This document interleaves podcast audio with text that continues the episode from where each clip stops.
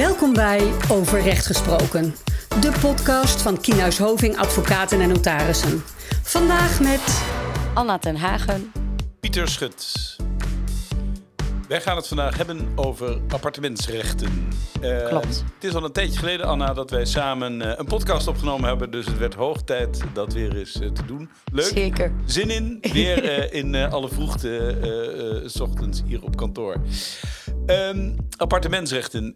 iedereen heeft er eigenlijk wel mee te maken, want de meeste mensen beginnen vaak met wonen in een wat dan heet gedeelde eigendom. En dat kunnen vaak appartementencomplexen zijn die gesplitst zijn in appartementsrechten. Nou. Daar gaat een hele wereld achter schuil. En een klein deeltje van die wereld uh, willen we vandaag met u delen. Want er is een belangrijke uitspraak geweest op het uh, gebied van wijziging van zo'n akte van splitsing. Maar misschien is het goed om bij het begin te beginnen. Uh, wat is een splitsing? Wat houdt dat in? Anna, uh, kan, je, kan je ons daar eens doorheen leiden? Nou, dat hoop ik wel. um, nou wij als notaris zijn natuurlijk vaak betrokken bij een wijziging van een splitsing. Um, en meer algemeen, een splitsing van een appartementsrecht, dat gebeurt eigenlijk ook via een notariële akte. Dat is ook goed om te vermelden. En in die akte zijn eigenlijk verschillende um, onderwerpen uh, opgenomen, waaronder uh, het reglement. Nou, dat klinkt heel streng altijd. En uh, de statuten van een vereniging van eigenaren. Eerst even heel kort over dat eerste. Dat ziet met name over de regels die je onderling met elkaar vastlegt. Over bijvoorbeeld het toelaten van huisdieren, het schoonhouden, um, de kozijnen um, en noem het allemaal maar op. Dat kun je allemaal in het reglement regelen. Nou ja, zo mooi zegt het. Het is what's in the name, hè? En um, dan hebben we ook nog de statuten van de VVE. En daarin kruist mijn ondernemingsrechtkennis heel vaak heel mooi met het vastgoed. Um, want um, bij uh, een splitsing in appartementsrecht wordt er altijd een vereniging opgericht. En van die vereniging zijn eigenlijk alle eigenaren lid. Um, en dat is eigenlijk precies hetzelfde als bij een voetbalvereniging. Zo kun je het voorstellen dat daar ook een ledenvergadering wordt gehouden. Er is een bestuur uh, en zij uh, regelen dingen, zaken namens de eigenaren. En um, in die, um, nou ja, in die vergadering, die ledenvergadering, worden ook verschillende dingen besproken, zoals de financiën van de vereniging. Um, er is altijd een soort van gezamenlijk potje, hè? bijvoorbeeld als de lift stuk gaat of dat er onderhoud nodig is aan het pand. Het reservefonds. Het reservefonds, heel goed, uh, meneer Schut. en um, nou ja, daar worden die, dat soort zaken besproken. Dus er zijn eigenlijk uh, twee organen, zoals we dat noemen, het bestuur en uh, de leden. En de leden bestaan dus eigenlijk uit de eigenaren van de appartementsrechten. Ja. Ja, en dan is het nog, kan het nog voorkomen dat wij, uh, bij wijze spreken, Pieter en ik hebben samen een appartement. En ehm, wij willen graag uh, dingen wijzigen, zoals we die eerst ten eerste hadden vastgelegd. Bijvoorbeeld, ik wil toch heel graag een kat, Pieter. Maar dat mag eigenlijk niet. Ja, ja dan, moet er een, dan moet er een wijziging komen. Nou, nog even, uh, heel even kort terugkomend op, jou, uh, op jouw inleiding, Anna. Het is inderdaad uh, de, de, akte van splitsing. Het is een soort, u kent het wel van die Russische poppetjes. als je er één open doet, dan komt er weer één uit, dan komt er weer één uit. nou, dat is ook met regelen. Matroeska, ja, ja, heel goed. Um, dat is bij die statuten en het reglement eigenlijk ook zo. Dat zit allemaal in één akte en dat ehm, is de splitsingsakte. Er zijn er verder nog wat andere regels en reglementen van toepassing, maar dat laten we hier maar even buiten beschouwing. En wat nog wel even goed is om te vermelden um, bij de Vereniging van Eigenaars, is, uh, kent één hele grote uitzondering ten opzichte van de gewone vereniging. En dat is namelijk dat je er verplicht lid van bent uh, op het moment dat je een appartement koopt. En dat maakt uh, allerlei dingen veel handiger, met name om te handhaven dat de regels in het reglement, wat Anna noemde, ook worden nageleefd. Kijk. Maar goed, Anna wil een kat. Ja, ik wil graag een kat. En, en dat de mag nou net niet. moet worden gewijzigd. Hoe, Nou. hoe kunnen we dat doen, Anna? ja, nou, dat is op zich um, wel een interessante. En met name hierop uh, is dus onlangs wat Pieter al vertelde... een belangrijke uitspraak geweest door de Hoge Raad. Vandaar dat we daar ook even bij stil willen staan. Um, tot 2005, nou, dat is al heel lang geleden... Um, was er maar één manier om een splitsingsakte te wijzigen. En dat was eigenlijk door middel van meewerking van alle eh, eigenaren. Klopt. En ehm, nou, je kon wel een vervangende machtiging afgeven aan iemand anders. Uh, maar in principe moest iedereen het eens zijn met de voorgestelde wijziging van het reglement.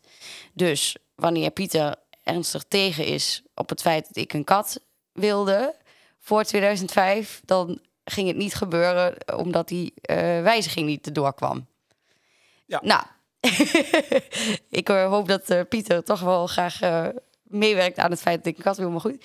Dan hebben we na 2005 ehm, is er een nieuwe regeling ingevoerd, waardoor het eigenlijk mogelijk is om een andere route, dus naast de medewerking van alle eigenaren, is er een andere route gecreëerd, waardoor ook de, wijzigingsact, of de wijziging van de splitsing kon worden gerealiseerd. En um, dat was eigenlijk een uh, machtiging aan het bestuur van de VVE door de algemene vergadering. Dus door de vergadering, lees de ledenvergadering van de VVE. En in die vergadering moest worden besloten met een meerderheid van 4 vijfde. Ofwel 80 procent. Dus als 80% van de eigenaren het eens was met voorgestelde wijziging, kon daar een besluit worden genomen. En um, dan uh, werd, kon het bestuur de akte doen passeren, zoals wij dat dan zeggen. Maar uh, uh, kan dus het bestuur eigen op eigen houtje de akte wijzigen. Ja. En Pieter vertelde net al dat daar nog wel een mooi verschil in zit. In die zin dat het ene met terugwerkende kracht is en het andere op voorhand. Ja, het is een beetje het verschil van het, uh, van het uh, um, waar, leg je, uh, waar leg je het procesinitiatief neer, zoals dat dan mooi heet. In de eerste uh, procedure die Anna schetst, wat overigens nog wel even aardig is om te vertellen uh, met de kat Anna en ik. Ehm, daar gaat volgens mij ook een liedje over. dat onze kinderen heel lang gezeurd hebben over een hond die dan weliswaar in ons eigen huis zou moeten komen. En dat ik er altijd tegen ben geweest, maar uiteindelijk ook toegestaan heb. Dus de, de, de, de, kat zal er aan het einde van deze podcast ook wel komen, komen vrees ik, uh, mensen. Uh, even terug naar het procesinitiatief. Uh, met alle volmachten, hè, de medewerking van alle eigenaren. Die moeten dan een volmacht allemaal afgeven om de, om de akte te doen passeren, zoals Anna zo mooi zei. Uh, er zijn natuurlijk mensen die dat dan niet willen. En dan kunnen degenen die het wel willen naar de rechter gaan... een vervangende machtiging vragen. Dan ligt dus het initiatief bij de groep die iets graag wil. In de tweede procedure ligt dat eigenlijk precies andersom. Want daar kan 80% van de leden uh, de minderheid binden en zeggen we gaan het zo doen. Maar dan heeft die minderheid wel weer de mogelijkheid om naar de rechter te gaan. En dat kunnen ze binnen drie maanden doen om dat besluit uh, ongedaan te maken. Dus dan ligt het procesinitiatief meer bij de groep die het niet wil. Um, een detail daarbij is overigens dat nergens in de wet staat dat alleen de mensen die tegen gestemd hebben uh, bezwaar kunnen maken. Uh, dat zouden anderen ook kunnen doen, maar dat is een beetje vreemd. Maar goed, dat terzijde. Nou ja, en dat betekent dus ook eigenlijk uh, indirect nog één kleine aanvulling daarop op die laatste procedure, dat het traject in die zin ook drie maanden stil ligt. Omdat wij eigenlijk altijd de kans in acht moeten nemen dat er wel iemand ja. uh, naar de rechter gaat. Dus uh, er valt dan ook een gat inderdaad tussen de, het nemen van het besluit en de drie maandstermijn dat iemand nog wel uh, in verzet kan gaan tegen dat besluit. Ja, klopt. En dan moet je ook altijd even aan de vereniging vragen of ze geen beschrijven van de rechtbank binnen hebben gekregen dat zo'n procedure is ingediend. Nou, tot zover denk ik vrij helder. Zeker, duidelijk uitgelegd. Ja, dankjewel. Jij ook. En uh, nou ja, Pieter die houdt heel erg van de literatuur. Ja, splitsingen. Uh, we, we, gaan uh, langzaam naar de opmaat voor wat we, wat we hier wilden vertellen, namelijk de wijziging in deze wijziging van splitsing.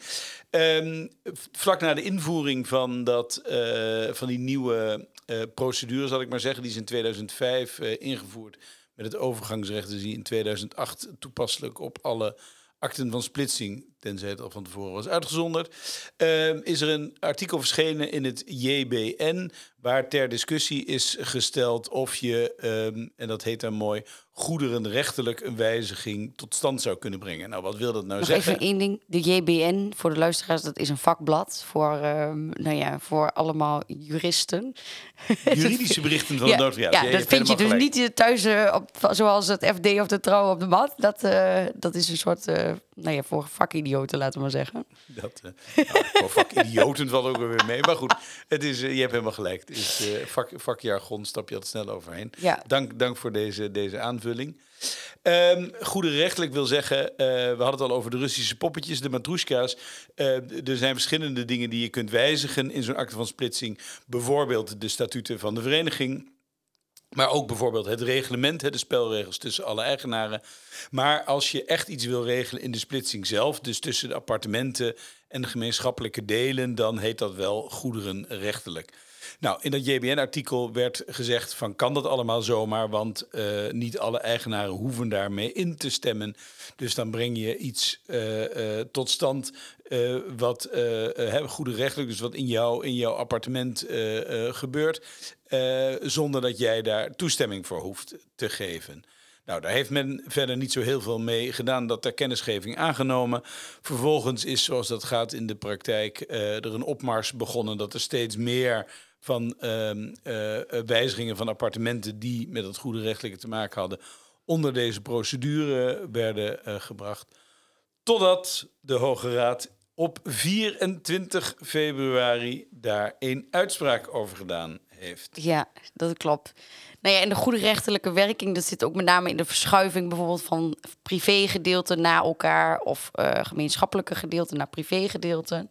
En uh, dat was dus de laatste, was dus juist uh, ook aan de hand in dat laatste arrest, wat we noemden 24 februari was de dag. En wat was daar nou gebeurd? Een korte schets van de casus. Um, er was een kerk. En de kerk was onderverdeeld in appartementsrechten. En er was een zolderverdieping en een kelderverdieping. En die zolderverdieping en die kelderverdieping waren eigenlijk gemeenschappelijk. Wat betekent dat als jij en ik in dit appartement hadden gewoond, dat, dat, dat wij daar allebei gebruik van mochten maken. Nou, um, de algemene ledenvergadering van de VVE, die vond eigenlijk wel dat um, een deel toe moest komen aan Pietje en een deel aan Klaasje. En uh, hebben het besluit genomen tot wijziging van die splitsing. Dus wat gebeurde er? Een gemeenschappelijk gedeelte waar iedereen toegang toe had, werd toegedeeld. Of in elk geval uh, werd besloten dat het werd gewijzigd in die zin dat het privégedeelte werd. Dus dat dat uitsluitend gebruik aan één iemand toekwam. Daar was uh, dat besluit uh, werd genomen met een vier vijfde meerderheid en daar was één iemand het niet mee eens. En die nou, persoon, um, um, Henk, die ging naar de rechter. En Henk die, heeft daar aangekaart dat hij het eigenlijk niet eens was met de wijziging van deze splitsing. En dat hij eigenlijk vond dat dat een te ver inbreuk maakte op zijn eigendom. In die zin dat dus zijn gemeenschappelijk gedeelte in één keer privé werd. En hij daar eigenlijk niet meer bij kon komen. En dat is eigenlijk een beetje de casus die in de Hoge Raad is, heeft gespeeld. En naar aanleiding daarvan uh, heeft de Hoge Raad eigenlijk een, nou ja, een nuance gemaakt op de manier, de route 2, de wijziging bij besluit. En um, nou ja, daar is nu een, een. We moeten ons nu als notarissen afvragen wanneer we nou wel kunnen wijzigen bij besluit en wanneer niet. Ja, nou dat, moet, dat, moest, dat moesten we al. Maar uh, er is nu iets meer invulling aangegeven. De opmars, uh, uh, zoals deze werd gedaan, die is wat gestuurd. Want de Hoge Raad zegt eigenlijk als je een gemeenschappelijk gedeelte hebt, dan is dat van iedereen, van alle eigenaren. En daar kun je niet zomaar een stukje uh, van afhalen en dat aan een van de eigenaren geven. Anders dan dat iedereen daarmee instemt. Hè? Eerste procedure, volmacht en eventueel vervangende machtiging. Ja, het goederenrechtelijke verhaal gaat eigenlijk voor het privébelang ja. van, een, uh, van een eigenaar. Ja, maar zegt de Hoge Raad wel, en dat uh, was ook de, uh, de teneur na het artikel in het vakblad JBN. dat uh, um, het betreffende artikel in het burgerlijk wetboek en de toelichting erop geen enkel aanknopingspunt biedt. Maar, zegt de Hoge Raad, het toepasselijk achten van die procedure ligt niet voor de hand. Omdat het hier gaat, en dat is dan ook weer een juridische term, om een daad van beschikking en niet om een daad van beheer. Hè, beheer is meer uh, uh, dat, je, dat je op iets past. En beschikken is dat je iets weggeeft. Daar komt het, uh, daar komt het eigenlijk kort gezegd op neer. neer.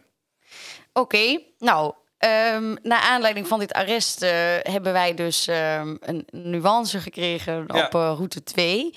Uh, en dan is eigenlijk de vraag: hoe nu verder? Ja, hoe nu verder? Dat stelt uh, uh, de praktijk stelt zich die vraag. Ook daar zo'n artikel verschenen in een ander uh, vakblad, wat ook niet helemaal duidelijk, wat de helemaal duidelijkheid geeft. Er zijn verschillende situaties mogelijk voor die goede rechtelijke verschuiving.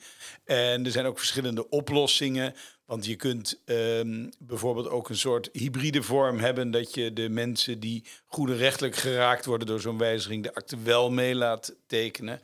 En um, er is ook in deze Hoge Raad uitspraak niets gezegd als er bijvoorbeeld een verschuiving tussen twee privédelen. Dus nogmaals het voorbeeld van Anna en ik die in hetzelfde appartementcomplex leven dan wonen we geloof ik niet meer in hetzelfde appartement. Dus het gaat wel teleurstellend hard achteruit. Maar, maar dat terzijde wonen we naast elkaar. En mijn appartement wordt wat verkleind. En het appartement van Anna wordt wat uh, vergroot. Daar zegt deze, Sympathiek. Daar zegt, ja, zo ben ik. Zo ben ik. Daar zegt deze uitspraak niks uh, over. En um, uh, er zal in de rechtspraak uh, ook nog wel invulling aangegeven worden in de lage, uh, lagere rechtspraak. Er is al één uitspraak van de rechtbank in Den Haag en die is van 23 mei. En die is ook wel aardig, want daar wordt een opbouw gepleegd op um, het dak van een appartementencomplex. Nou, een dak, moet u weten, is altijd gemeenschappelijk. Dus zou je zeggen, dan zit je alweer snel ja. tegen de Hoograaduitspraak aan. Maar de rechtbank heeft hier wel een mooie uh, oplossing voor. Want die zeggen, het gaat niet zozeer om dat dak, want dat blijft hetzelfde. Er wordt een um, verdieping bovenop geplaatst. Dus het gaat om de luchtkolom, ja dames en heren, de luchtkolom bovenop het dak. En die is nooit van iemand geweest. Dus hoeft dat ook niet met, uh, met alle medewerking van alle, alle eigenaren.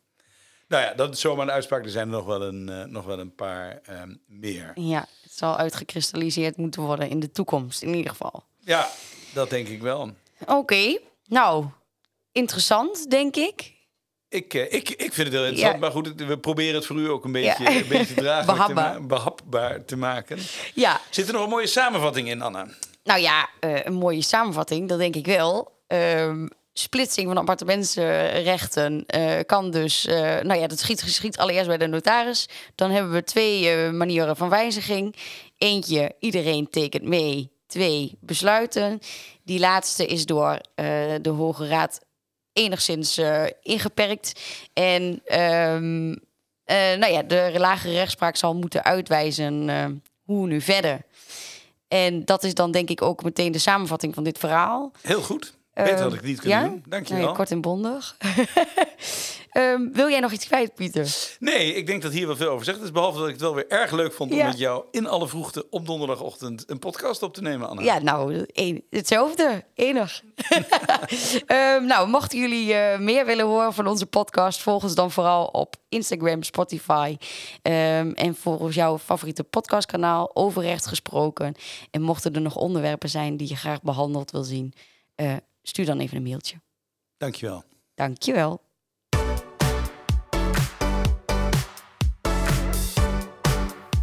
Dit was Overrecht Gesproken, de podcast van Kienhuis Hoving. Heb je vragen of wil je meer informatie? Stuur dan een e-mail naar podcast.kienhuishoving.nl Wil je niets missen? Abonneer je dan op onze podcast via jouw favoriete podcast-app.